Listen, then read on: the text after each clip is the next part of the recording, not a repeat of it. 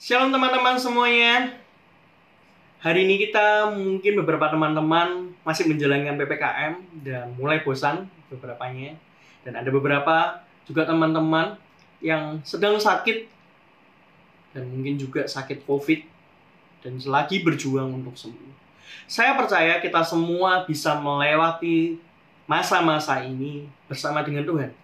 Karena nggak mampu kalau kita hanya menggunakan kekuatan kita. Kita perlu bersandar sama Tuhan, kita perlu menyerahkan diri kita kepada Tuhan. So, sebelum kita akan memulai uh, mendengarkan firman Tuhan pada hari ini, mari kita mau sama-sama kita mau berdoa. Mari kita berdoa.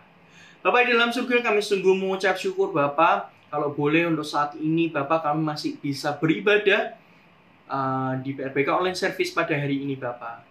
Berkati setiap kami Bapak yang udah meluangkan waktu Bapak untuk menyembah Tuhan, untuk mendengar nantinya firman-Mu ini Bapak. Ajar kami Tuhan Yesus untuk benar-benar kami bisa menangkap apa yang ingin Tuhan sampaikan kepada setiap kami.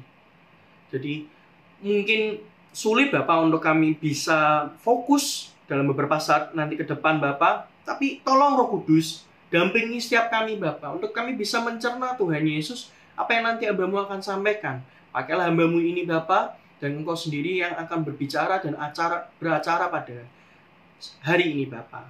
Tuhan, kami percaya Bapa, dua tiga orang berkumpul di sini engkau hadir Bapa, engkau hadir di tempat saya dan tempat-tempat teman-teman berada. Jaga setiap kami Bapa, tuntun setiap kami supaya kami nggak cuma bisa mengerti doang atau mendapatkan informasi doang dari firman Tuhan, tapi kami bisa bertransformasi dan menghidupi setiap firman yang nantinya akan dibagikan. Terima kasih Tuhan, di dalam nama Tuhan Yesus ucap syukur. Haleluya. Amin. Teman-teman, uh, pada bulan ini uh, kita memiliki tema besar PRPK ya teman-teman tentunya ya. Uh, temanya yaitu panggilan. Nah, kalau teman-teman udah lihat dari minggu pertama, minggu dua, minggu tiga, minggu empat dan hari ini adalah minggu kelima, uh, kita kalau lihat rangkaian kita udah belajar banget teman-teman dari uh, siapa yang dipanggil.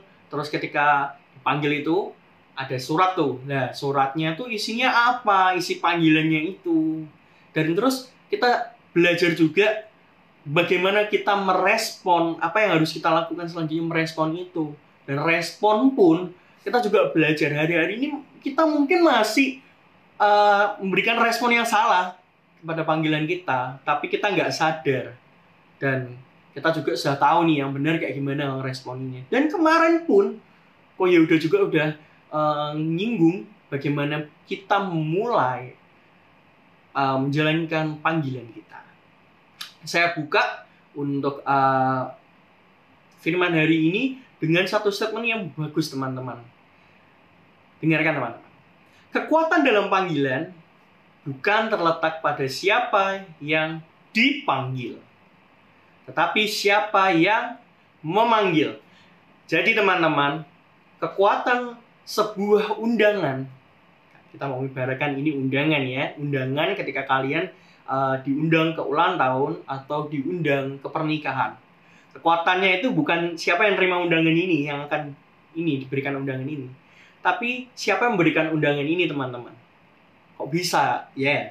karena sebelum kita terima undangan itu yang berat menentukan siapa yang layak siapa yang pas untuk kita undang itu orang yang mau ngasih undangan itu. Bukan kita yang terima bukan kita yang dipanggil. Tapi orang yang memanggil. Nah jadi teman-teman uh, sebuah pang, uh, kekuatan panggilan ini terletak pada seorang yang memanggil kita kalau kita belajar yang lalu, di minggu lalu, Ko Yuda pernah nyampein bahwa panggilan itu akan selalu diuji. Pertanyaannya, siapa yang menguji? Yang menguji adalah orang yang memanggil kita, yaitu Tuhan Yesus. Ya. Kenapa kok Tuhan menguji kita? Ya, karena hari-hari ini kita mungkin bisa jadi ngomong sayang sama Tuhan, tapi kita nggak buktiin kalau kita benar-benar sayang sama Tuhan. Gak mungkin juga untuk Tuhan yang diuji teman-teman. Karena kita udah tahu bahwa Tuhan itu udah udah buktiin bahwa dia tuh sayang sama kita. Dia udah rela mati di kayu salib untuk tebus dosa saya dan teman-teman semuanya. Dan bahkan kalau kalau kita mau uh, ngevaluasi beberapa hari-hari ini juga kita mungkin masih sering jatuh bangun, masih sering ngecewain Tuhan. Nah, nggak mungkin dong Tuhannya yang diuji. Karena kita yang masih sering mut-mutan ini yang sering jatuh bangun yang ngomongnya sayang tapi ngelakuinnya nggak sayang ya ini yang perlu diuji teman-teman. So kita udah tahu bukti cinta dari Tuhan. Ya, untuk itu kita kita harus mau diuji. Supaya apa teman-teman supaya orang yang dipilih Tuhan semakin yakin dan hanya menyerahkan hidupnya kepada Tuhan. Ya. Jadi kenapa diuji? Alasan yang paling pasti adalah supaya kita semakin yakin dan hanya menyerahkan hidup kita kepada Tuhan. So, hari ini kita akan belajar tentang bagaimana ketika kita diuji dan kita tetap bisa menjalankan panggilan Tuhan? Dengan nantinya kita berkata hirayam ketika itu kita dipanggil atau kita melakukan itu kita bisa ngomong hiraya so kalau kita ngomong soal hiraya kayaknya teman-teman semuanya sangat awam mendengar kata hirayam ini. Ya uh, hirayam ini biasa dipakai ketika kita dipanggil. Dan terus kita mau jawab dalam bahasa Inggris hirayam misalnya nama saya atau nama saudara dipanggil kita bisa jawab dengan kata hari ayam dalam bahasa Indonesia-nya artinya ini aku. Nah tetapi teman-teman Hira ayam sendiri kalau kita mau belajar di uh, Alkitab tidak sesimpel atau mudah untuk kita cuma oh kayak gitu doang. Ternyata ada sesuatu yang tersirat teman-teman. Kalau kita mau belajar lebih lagi. Hira ayam ini dalam bahasa Ibrani juga itu biasa disebut dengan istilah hineni yang artinya behold me. Nah kata ini itu memiliki arti yang tersirat yang sangat-sangat dalam karena menggambarkan apa yang ada di dalam hati kita. Jadi nggak cuma ngomong ini aku atau hirayam, tapi hineni itu tuh sesuatu yang keluar dari hati kita. Nah, tetapi teman-teman, penggunaan kata hineni ini itu nggak bisa digunakan sembarangan. Nah, dalam bahasa Ibrani ada dua kata yang dipakai untuk menggunakan kata ini aku atau ini, ini saya, ini saya ada atau hirayam. Nah, ada dua yang bisa dipakai di dalam uh, bahasa Ibrani. Yang pertama adalah poani dan kata kedua adalah hineni. Nah, penggunaannya kayak gimana? Gimana, Oh? Ya, penggunaannya seperti ini, teman-teman. Uh, poani itu digunakan ketika kalau teman-teman semuanya uh, sekolah ya kan dari SD, SMP, SMA hari ini pakai Zoom ya kan mungkin virtual pertemuan virtual menggunakan aplikasi apa pun itu teman-teman Nah, biasanya guru atau dosen-dosen teman-teman semua itu akan mengabsen teman-teman, menanyakan teman-teman, kehadiran teman-teman. Misalnya uh, nama teman-teman dipanggil. Nah, kata poeni itu akan dipakai ketika kalian menjawab bahwa ini aku nih, ya aku hadir nih, kayak gitu. Itu akan dipakai ketika kalian di absen. Nah, murid nantinya akan menjawab dong kayak oh ini kalau misalnya kita di absen Calvin gitu. Kalau kita ngomong ada ya kita jawab oh ini. Itu bisa dipakai ketika uh, kita sedang di absen. Ya. Nah kok nggak bisa menggunakan kata hineni teman-teman? Iya. Tadi kan guys sudah sempat bahas bahwa hineni itu uh, pesan yang amat tersirat teman-teman jadi nggak sesimpel itu nah uh, dan perkata penggunaan ini pun itu nggak sembarangan teman-teman.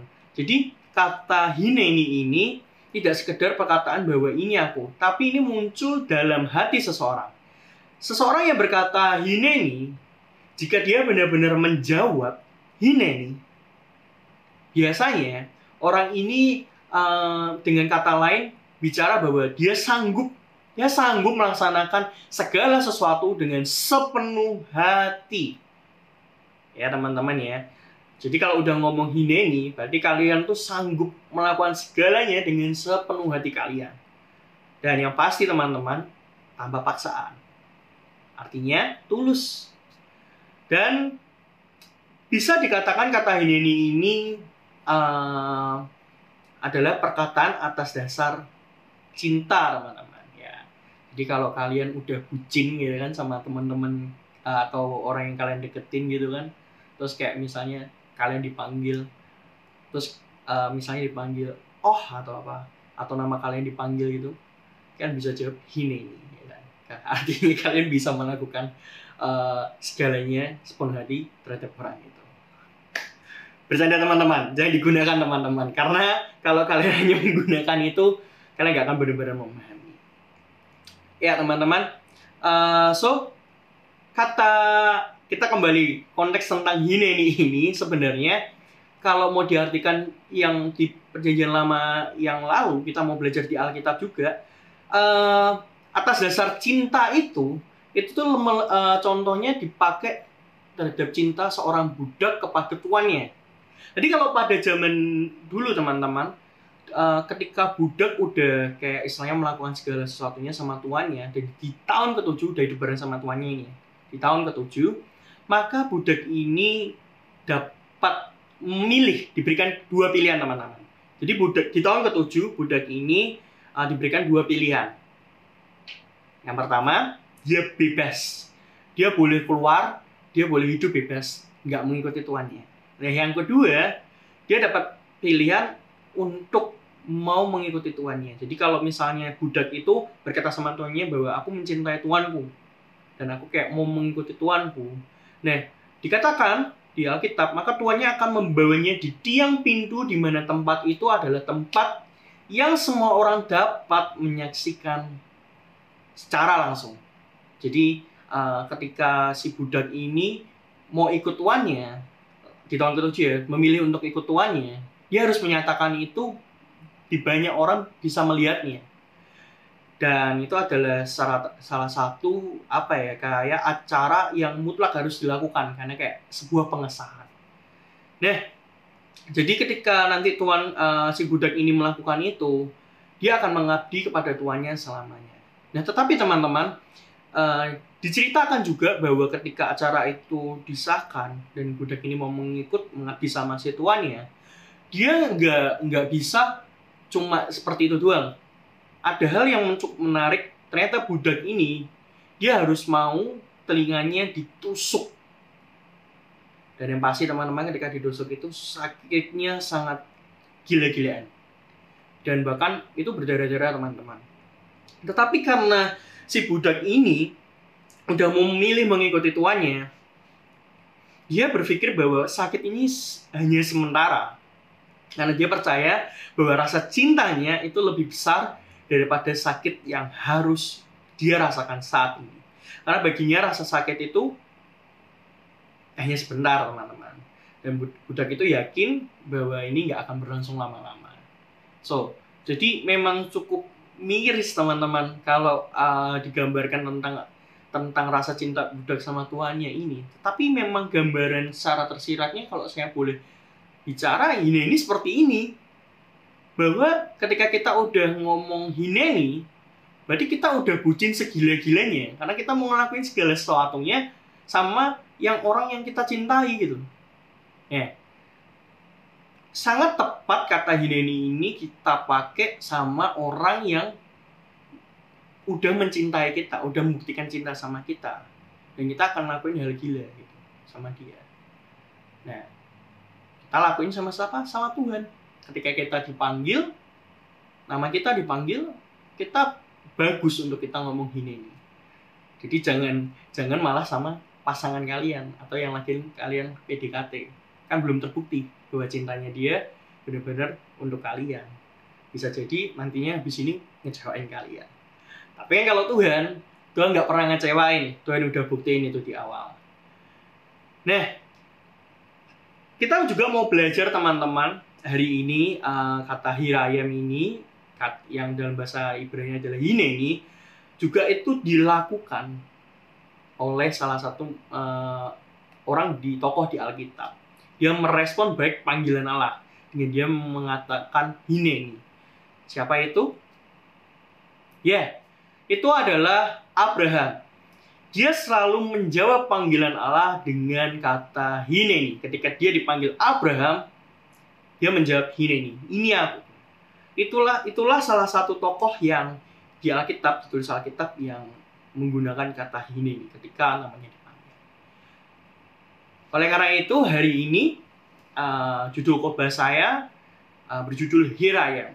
Ketika kita dipanggil, kita belajar untuk merespon menjawab Hineni. Ya, karena uh, Hineni ini punya ungkapan yang sangat tersirat teman-teman.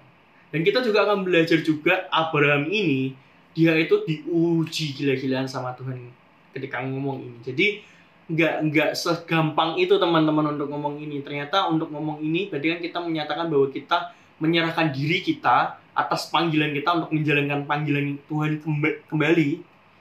Dan masalahnya Tuhan akan uji. Tuhan akan uji dan dikatakan kita akan selalu diuji untuk membuktikan bahwa cinta kita sama Tuhan seperti apa. Dikatakan di dalam Alkitab teman-teman, Abraham ini mengatakan Hineni itu tiga kali.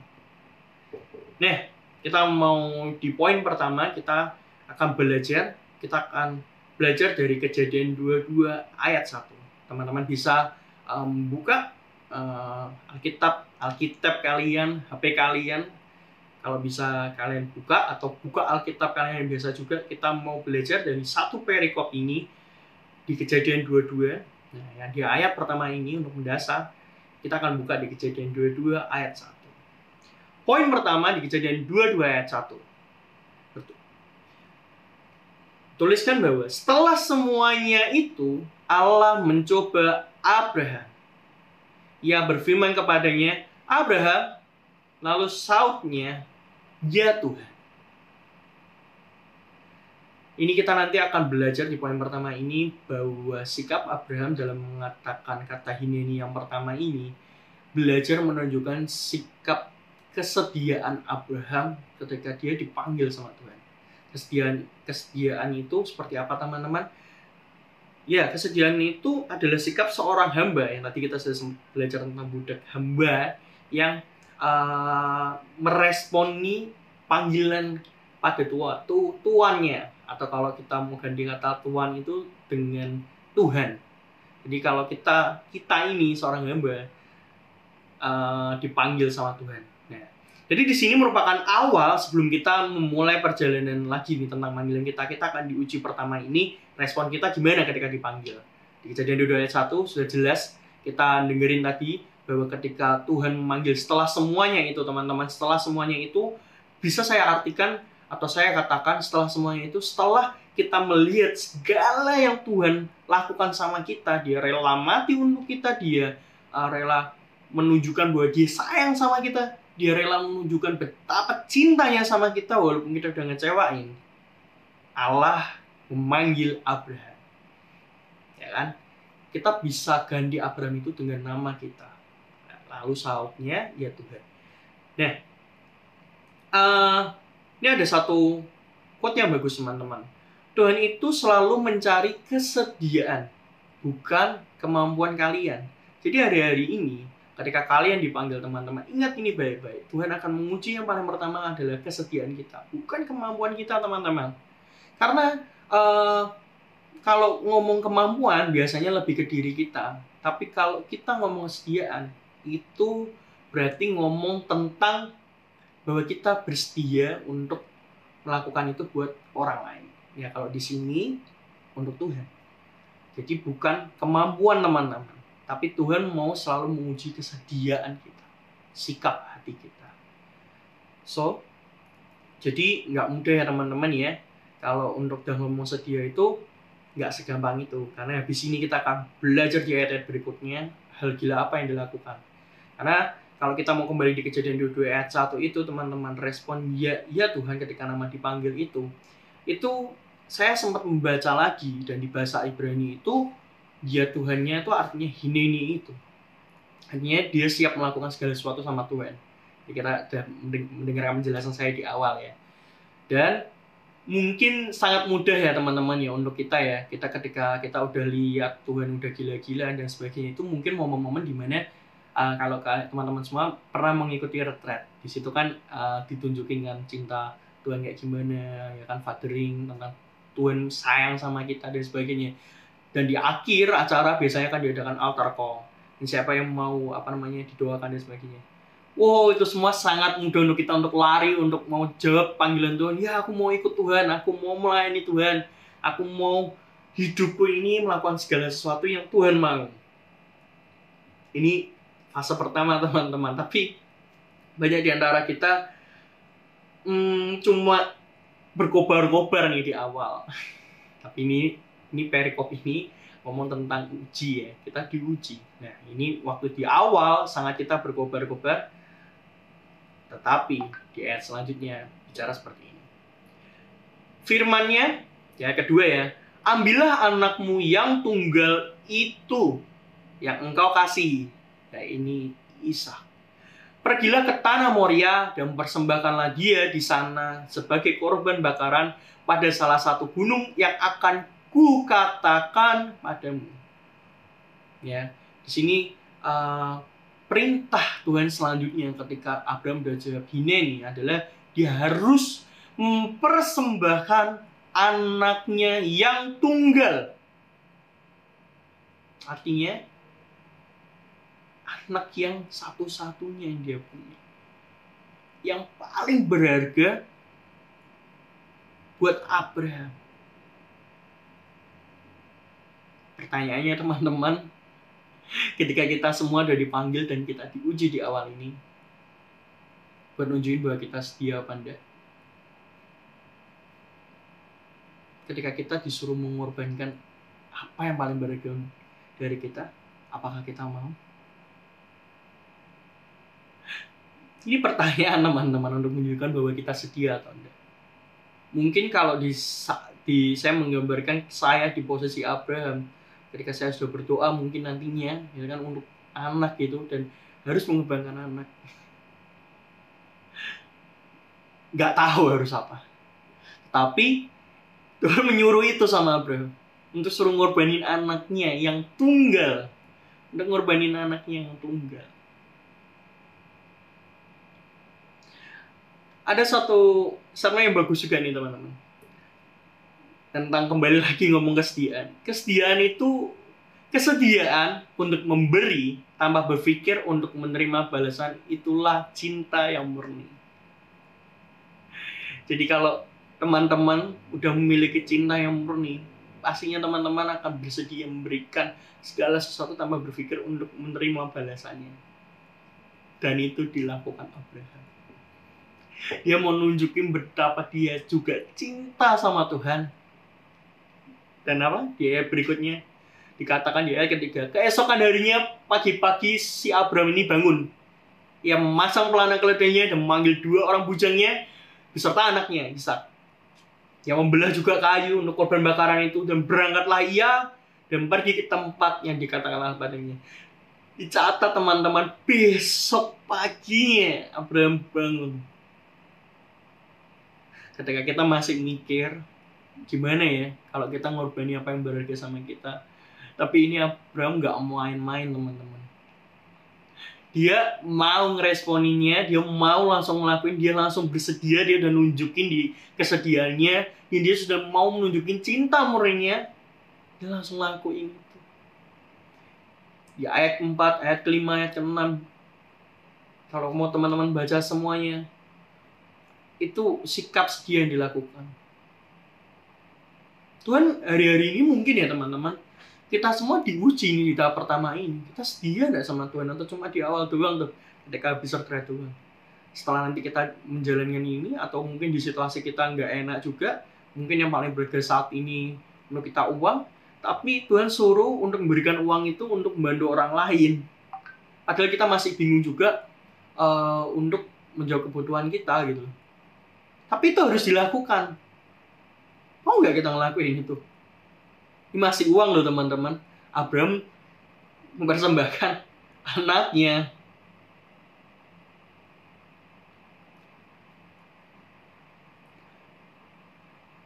Ada suatu quote juga yang bagus teman-teman. Tindakan bukan berasal dari pemikiran, tapi dari kesediaan untuk memikul tanggung jawab. Dan ini udah dibuktiin sama Abraham. Bahwa si Abraham sedia untuk melakukan segala sesuatu ini untuk Tuhan. Menunjukkan sikap bertanggung jawab kan. Dia langsung responnya kan nanti di ayat pagi-pagi bener dia langsung bangun kan. Dia nggak mikir itu. Karena dia benar-benar sudah sedia. Ya, dia langsung melakukan. Dia langsung bertindak Quote ini dikatakan oleh Dietrich Bonhoeffer. Tindakan bukan berasal dari pemikiran, tapi dari kesediaan untuk memikul tanggung jawab. Artinya ya, bukan tindakan, uh, tindakan itu bukan berasal dari pikiran kita, tapi justru dari sikap kesediaan. Kesediaan itu dari hati teman-teman. Kita mau ngelakuin itu. So di poin pertama ini, coba kita mau renungin teman-teman ketika kita diuji ini. Kita mau ngelakuin deh ini. Tetap mau ngelakuin panggilan kita nggak? Kita mau tetap menyerahkan diri kita nggak? Nggak mudah lah teman-teman untuk melakukan. Nah, di poin berikutnya, di poin kedua, kita mau belajar di kejadian 22 ayat 7. Ini pun juga kali kedua ketika Abraham mengatakan ini teman-teman kata hineni ini diucapkan yang kedua kalinya oleh Abraham. Kita mau baca di kejadian 22 ayat 7. Lalu berkatalah Ishak kepada Abraham, ayahnya, Bapa, saut Abraham, ya anakku, bertanyalah ia, di sini sudah ada api dan kayu, tapi di manakah anak domba untuk korban bakaran ya. Sebelumnya Ishak nggak tahu teman-teman bahwa Ishak nantinya akan dikorbankan jadi si Ishak ini bertanya nih sama si bapak bapaknya si Abraham. Nah ketika si Ishak itu bertanya sama Abraham kan manggil nih papa bapak gitu si Abraham menjawab iya anakku ya anakku ini di bahasa Ibrani juga tertulis ini. Dalam implikasi di poin kedua ini, kita melihat secara konteks bahwa ungkapan kata hineni yang diucapkan Abraham kepada Ishak ini menunjukkan sikap kepedihannya dalam perjalanan perjalanan mereka menuju ke Gunung Moria untuk mempersembahkan si Ishak ini. Jadi ini menunjukkan si apa ya kepedihan si Abraham ini mempersembahkan anaknya yang tunggal yang dikasih itu jawaban Hineni Hineni itu diucapkannya sebab apa teman-teman sebab Abraham percaya bahwa Allah akan menyediakan kepadanya seekor domba untuk korban bakaran pada saat yang tepat sikap Abraham yang rela berserah kepada kehendak Allah ini ditulis di kejadian pasal 22 itu sangat nyata teman-teman. Kita belajar di poin kedua ini bahwa tentang iman. Tuhan menguji iman kita ketika kita dipanggil. Yang pertama, Tuhan menguji tentang kesetiaan. Yang kedua, Tuhan menguji tentang iman kita. Ketika kita tak sama Tuhan. Abraham punya sikap hati kata dalam ini itu walaupun dia pedih walaupun rasanya tuh sakit harus mengorbankan yang tapi dia percaya bahwa Tuhan itu ngelihat Tuhan semua ini kehendak Tuhan dan bukan ngomong tentang kehendak Abraham kembali ya kalau kita ngomong ini jadi ketika Abraham udah ngomong ini ini pun juga dia akan melakukan segala sesuatunya untuk Tuhan Kejadian 22 ayat 8. Saud Abraham. Allah yang akan menyediakan anak domba untuk korban bakaran baginya. Jadi ini menunjukkan benar-benar sikap iman seorang Abraham. Dia percaya, orang dia sedia untuk melakukan, yang kedua dia percaya bahwa Tuhan nantinya akan menyediakan. Ada suatu quote yang bagus teman-teman. Iman melihat yang tak terlihat, percaya yang tidak bisa dipercaya, dan menerima yang tidak mungkin. Ini ditulis oleh Corrie ten Boom. Jadi ini ngomong soal iman teman-teman. Terbuktikan bahwa si Abraham ini benar-benar dia nggak tahu nih ketika disuruh sama Tuhan kayak gini. Tapi dia dia bisa melihat bahwa Tuhan akan menyediakan domba anak domba untuk pembakaran untuk menggantikan anaknya. Sehari-hari ini teman-teman ketika teman-teman ditantang untuk menjalankan panggilan teman-teman, kalian masih tetap mau beriman kah sama Tuhan? Tetapkah apakah kalian mau tetap bisa percaya ketika Tuhan suruh untuk hati kecil kalian menolong orang lain tapi satu titik mungkin ketika kalian buka dompet dan ini adalah uang satu-satunya kalian kalian suruh ngasih itu kalian tetap mau ngelakuin nggak dan kalian percaya bahwa ketika kalian ngasih bahwa Tuhan nantinya akan menyediakan untuk kalian. Gini ya konteksnya bukan kalian pamrih tapi Tuhan akan sediakan. Ketika memang hati itu untuk menolong orang lain. Kalian mau nggak lakuin itu? Atau ketika kalian melayani konteksnya nih di poin ini juga kita belajar soal Abraham juga uh, melayani bukan di titik zona nyaman. Bukan melayani sesuatu yang dia mau. Contoh kalau misalnya kita disuruh pelayanan WL mungkin kita mau dan kita karena kita mampu gitu tapi malah justru kita disuruh pelayanan di mana titik kita nggak mampu cuma Tuhan butuh sikap sedia kita dan butuh iman kita bahwa Tuhan akan memampukan itu. Paling mudah adalah contohnya disuruh berbicara di komsel. Mungkin banyak teman-teman takut, khawatir. Tapi bukankah mutlak bahwa panggilan kita semua untuk menceritakan tentang kerajaan Allah dan menceritakan tentang kebaikan Tuhan. Tapi banyak di antara kita masih khawatir. Kita susah untuk belajar beriman bahwa Tuhan akan memampukan kita. Tuhan akan sedia. Susah banget susah banget untuk kita melihat itu. Bahkan di antara kita mungkin masih khawatir loh tentang nantinya masa depan kita atau tentang uh, kebutuhan kita ketika kita mau membantu orang lain, we masih mikir kayak gitu gitu. Ini teman-teman ujian kedua ini teman-teman, uh, ini yang harus kita juga refleksikan. Ketika kita udah disuruh sama Tuhan untuk melakukan untuk melayani Tuhan kita mau ikut Tuhan kita mau terima panggilan Tuhan dan menjalankan mau nggak nih teman-teman tetap beriman sama Tuhan? Jawabannya di kalian teman-teman.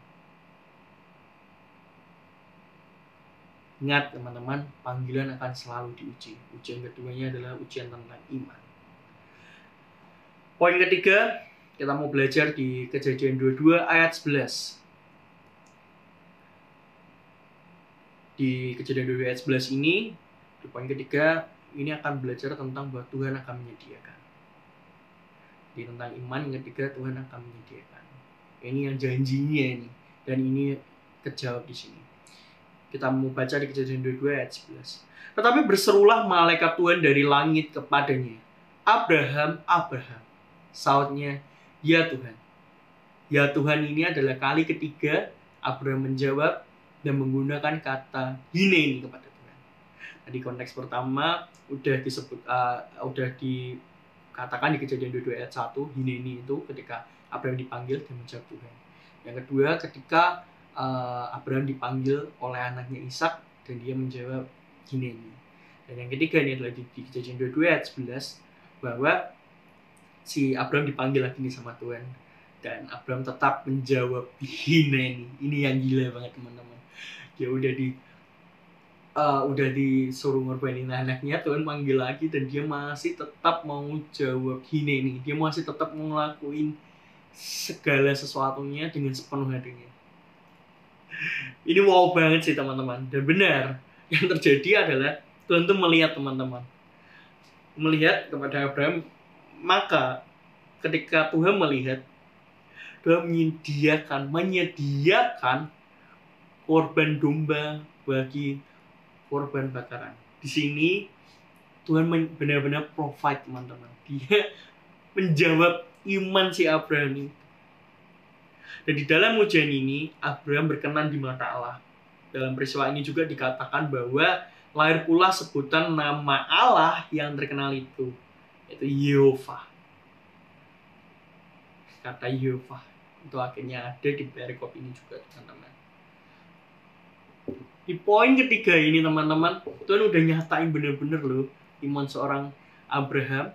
Kan udah diuji nih dan ternyata Tuhan tuh nggak tutup mata. Tuhan melihat dan bantu dan Tuhan provide. Banyak di antara kita. Tadi kata ini ada tiga kan yang pertama diucapkan Abraham. Tapi kita masih maunya pengennya yang tiga. Tuhan sediakan tapi kita nggak mau tuh ketika kita disuruh untuk ngorbanin apa yang berharga untuk kita. Katanya mau berserah katanya mau uh, apa namanya dipanggil Tuhan untuk ikut Tuhan untuk menyerahkan diri. Tapi di, dikasih perintah untuk ngobani yang mereka untuk kita kita ogah-ogahan padahal teman-teman kalau kalau arti kita mau ngomong tentang panggilan berarti itu menunjukkan juga tadi kan kalau kita ngomong ada ada kata kita belajar dari ini kita gini ini juga. Itu ngomong tentang cinta cintanya siapa? Yaitu cinta, untuk balas cinta kita sama Tuhan. Karena cintanya Tuhan udah gila-gilaan tuh sama kita. Nah, tapi padahal di Alkitab ditulis bahwa ketika kamu mencintai Tuhan dan kamu untuk menyatakan itu sama Tuhan, kamu juga harus mencintai sesamamu. Dan itu perintah utama yang Tuhan katakan sama kita. Nah, kita harus mencintai sesama kita. Ismin, Ismin artinya bahwa kita harus peduli sama-sama kita. Kita harus peduli dan kita harus membantu sesama kita kalau hari-hari ini dalam pandemi ini kita udah lama ppkm kita jarang bersosialisasi dan membuat kita cuek berarti kita udah nggak menjalankan perintah Tuhan. Kita udah melanggar itu bukti cinta kita. Saya teman-teman kita belum diuji segila ini loh. Belum diuji kayak seabraham ini udah kita cuma diuji bahwa kita bener-bener saya nggak sama Tuhan. Atau kita cuma ngomong Kristen doang kita cuma denger firman doang tapi kita nggak pernah ngelakuin apa yang Tuhan mau gitu kalau memang kamu cinta Tuhan kita harus cinta anak-anaknya juga gitu. Kita harus ngelakuin yang real sama mereka. Nggak cuma ketika sakit doain doang gitu. Tapi apa yang bisa dibantu? Apa yang bisa dibutuhkan? Kalau hari ini yang paling berharga di di tempatmu adalah mungkin uang dan orang itu membutuhkan untuk obat, belikan mau enggak kamu kasih itu. Ketika ada teman-teman mungkin yang lagi butuh pekerjaan banget dan yang kita punya adalah hubungan, mau nggak nih kita mau bantu mau musim teman kita untuk dapat pekerjaan?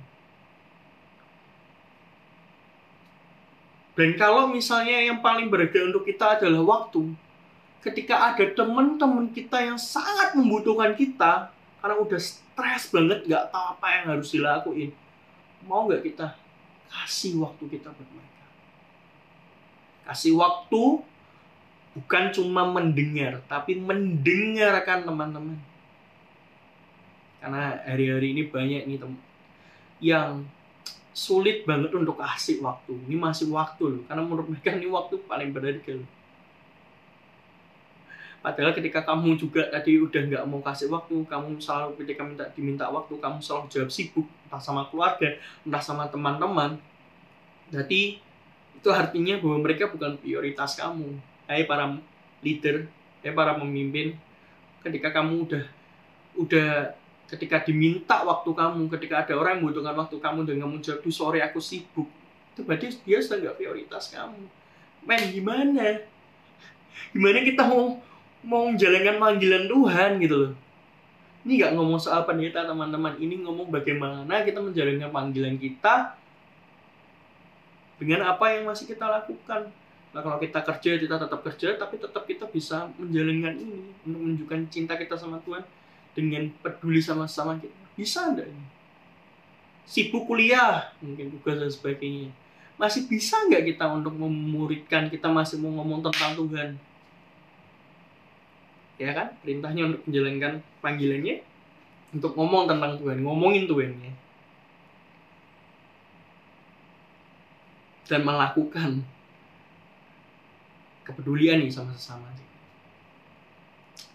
dalam hal ini kita belajar dalam mengucapkan kata hirayam teman-teman. Hari ini kita belajar hirayam atau dalam bahasa Ibrani ini itu nggak semudah itu teman-teman. Kita akan diuji sama Tuhan. Yang pertama kita akan diuji kesetiaannya yang kedua kita akan diuji iman kita. Yang paling ketiga kita diuji bahwa Tuhan dikasih berkat sama kamu. Tuhan menyediakan. Dan pertanyaannya ketika disediakan memang kita mau lah. Mau nggak ketika kamu disediakan sama Tuhan kamu masih tetap mau kasih lagi nih orang yang membutuhkan? Masih memikirkan orang lagi nih sekitar kita yang membutuhkan? Kamu mau kasih dari itu? Ini akan berputar di sini terus teman-teman. Tiga poin ini. Ketika Tuhan udah sediakan kamu mau kasih terus ya kasih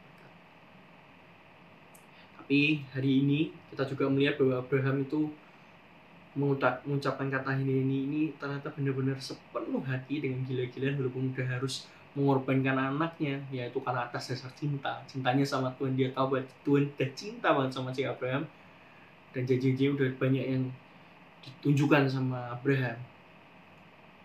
Nah sama teman-teman kalau kita ngomong tentang ini ini itu kita harus melakukan sepenuh hati seperti di Markus 12 ayat 30 kasihlah Tuhan Allahmu dengan segenap hatimu dan dengan segenap jiwamu dan dengan segenap akal budimu dan dengan segenap kekuatanmu. Kalau tadi saya juga menyinggung banyak teman-teman untuk mau nggak nih kalian ngelakuin ini buat teman-teman kalian ketika kalian melihat yang paling berkat karena ini paling penting teman-teman. Jika kamu mengasihi Allah ketika kamu mencintai Allah ingat ingatlah empat hal yang harus kita lakukan.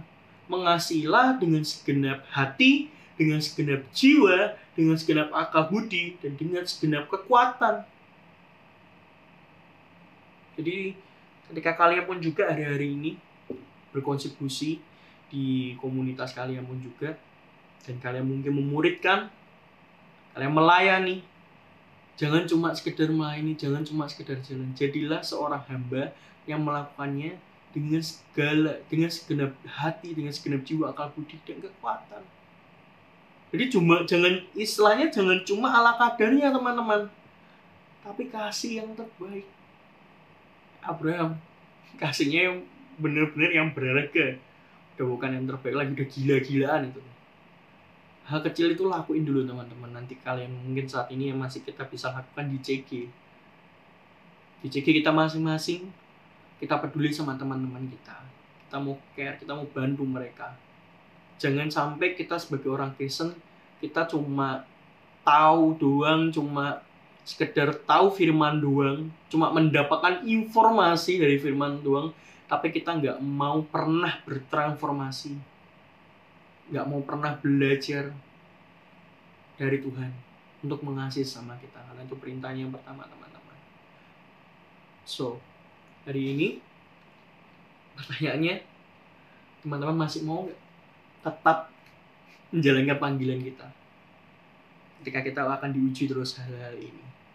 Kalian masih mau nggak tetap menyerahkan diri kalian? Serius teman-teman. Kalau kalian udah dapat panggilan ini kalian nggak bisa loh ketika diuji ini cuma ngandelin kemampuan kalian. Kalian harus ingat ingat bener-bener kalian harus punya sikap kesediaan. Dan ketika kalian dipanggil terus sama Tuhan kalian masih mau nggak jawab hina ini itu ketika kita telah terima undangan dari Tuhan mau nggak? Kalian tetap menjalankan dan memberikan yang terbaik. Jadi ketika kita telah terima nih, kita belajar kan di minggu pertama tentang tentang undangan dari Tuhan yang telah disampaikan oleh Pastor Kristaper TPRU. Kita belajar juga tentang bagaimana seharusnya kita lakukan tentang respon oleh Pastor Samuel Anton dan selanjutnya oleh juga Ko Alwi juga dua poin-poin tentang respon. Mungkin hari ini kita masih melakukan respon yang salah terhadap panggilan atau udah ditunjukkan yang benar dan Ko udah juga nyampein kita mulai. Nah yang hari ini saya mau tutup tentang bahwa kita akan selalu diuji dari kesediaan, dari tentang iman kita, dan bahkan nanti ketika Tuhan menyediakan segala sesuatu sama kita juga, kita masih masih mau nggak tetap menjalankan panggilan kita dan kita mau nggak ini berserah sama Tuhan menyerahkan ini sama Tuhan nggak mudah teman-teman kalau kita punya pakai kemampuan kita tapi akan sangat mudah ketika kalian mendekat sama Tuhan panggilan itu bukan ngomong soal cara teman-teman panggilan bukan berbicara soal cara tapi panggilan bicara soal hubungan. Jadi ketika kalian diuji, ingat hal yang paling dasar. Telusuri lagi hubungan kalian sama Tuhan. Kalian benar-benar mengerti nggak apa yang Tuhan maksud? Jadi, saya ingatkan kembali teman-teman, ketika kalian sudah benar-benar mendeklarasikan rasa cinta kalian sama Tuhan, tantang teman-teman ketika nama kalian dipanggil kalian mau berkata hineni kalian menyerahkan diri kalian melakukan segala sesuatu menjalankan panggilan Tuhan atau tidak semua ada di tangan kalian ingat kalian akan selalu diuji mendekatlah sama Tuhan semakin cepat semakin lebih baik untuk kalian semakin bisa mengerti dan terus bisa menjalankan panggilan Tuhan. Saya tutup dengan satu quote yang bagus dari Rick Warren. Seperti ini bunyinya. Jangan setengah hati untuk menyerahkan hidupmu pada Tuhan. Tuhan tanpa ragu menyerahkan hidupnya untuk kita. Dan untuk saya dan kalian. Kalau hari-hari ini kalian masih setengah hati melakukannya. Saya tutup untuk di uh, khotbah pada panggilan hari ini. Saya mau ajak teman-teman, ayo lakukan dengan sepenuh hati. Dan saya percaya bahwa Tuhan akan sediakan itu. Dan kalau memang Tuhan berkati Anda dan berkati saya, jangan biarkan berkat itu hanya untuk kita. Untuk kita pribadi. Tapi harus disalurkan kembali untuk teman-teman yang lain. Mari kita berdoa. Bapak di dalam surga kami sungguh mengucap syukur Bapak untuk kesempatan pada hari ini. Kami dapat mendengar firman-Mu. Kami dapat mengerti Bapak bahwa panggilan itu akan selalu diuji Bapak.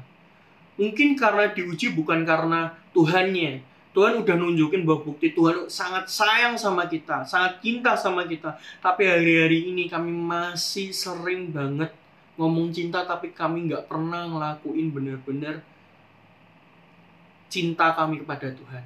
Kami ngomong cinta sama Tuhan, tapi kami nggak cinta sama anak-anaknya. Kami masih peduli cuma sama diri kami, tapi kami nggak peduli sama orang lain. Tuhan, ampuni setiap kami Tuhan. Ajar setiap kami Tuhan Yesus untuk kami bisa mengerti lagi dan kami untuk bisa tahan uji. Ingatkan benar-benar benar-benar akan kasih Tuhan bahwa Tuhan telah menyerahkan hidup Tuhan kepada setiap kami. Tuhan, bantu juga Bapak untuk setiap kami juga benar-benar bisa punya sikap kesediaan seperti Abraham. Kami punya imam iman seperti Abraham dan bahkan ketika Tuhan menyediakan kami bisa untuk share kembali Bapak untuk berkat Tuhan itu Bapak. Tuhan, kami percaya Bapak, anak-anakmu di sini nggak cuma hari ini mendengarkan firmanmu, tapi Tuntun kami untuk melakukannya Bapak. Karena kami nggak mau jadi seorang hamba yang hanya sekedar uh, mendapatkan informasi doang. Tapi kami ingin bertransformasi Bapak. Kami ingin menjadi serupa seperti Engkau Bapak. Kami ingin mencintai apa yang Engkau cintai. Dan kami ingin menjalankan perintah utamamu adalah mengasihi sesama kami Bapak. Jangan biarkan kami untuk hidup cuek. Jangan biarkan kami untuk hidup yang biasa-biasa aja. Tapi bahwa terus kami mengerti, mengenal, dan semakin dekat sama Tuhan sehingga kami semakin terus mengerti tentang panggilan Tuhan. Tuhan, kuserahkan hidup kami, kuserahkan setiap hidup anak-anakmu Bapak, di mana pun mereka berada Bapak, kami percaya Bapak, Engkau akan selalu memberkati anak-anakmu ini. Engkau akan selalu menyertai anak-anakmu ini, di mana pun yang mereka lakukan, mungkin pekerjaan mereka, kuliah mereka di rumah, ataupun mereka masih harus beraktivitas di luar Hambamu percaya Tuhan, Tuhan akan melindungi mereka, Tuhan akan memberkati mereka, dan akan terus mengingatkan mereka bahwa mereka harus jadi berkat di mana pun mereka berada. dan bahwa kita semua juga dipanggil bukan semua untuk menjadi pendeta, tapi untuk semua bisa menceritakan tentang kebaikan Tuhan dan mengenalkan Tuhan di hidup kami kepada setiap uh, orang-orang uh, lain di mana pun kami bekerja dan kami melakukan aktivitas kami Bapak. Tuhan, benar kami akan mengakhiri ibadah hari ini Bapak. Kau berkati setiap kami Tuhan Yesus. Kuserahkan semua hidup anak-anakmu ini ke dalam tangan tangan uh, ke, ke dalam tanganmu Bapak supaya Tuhan menyertai kami semua. Di dalam nama Tuhan Yesus mengucap syukur Bapa. Haleluya. Amin.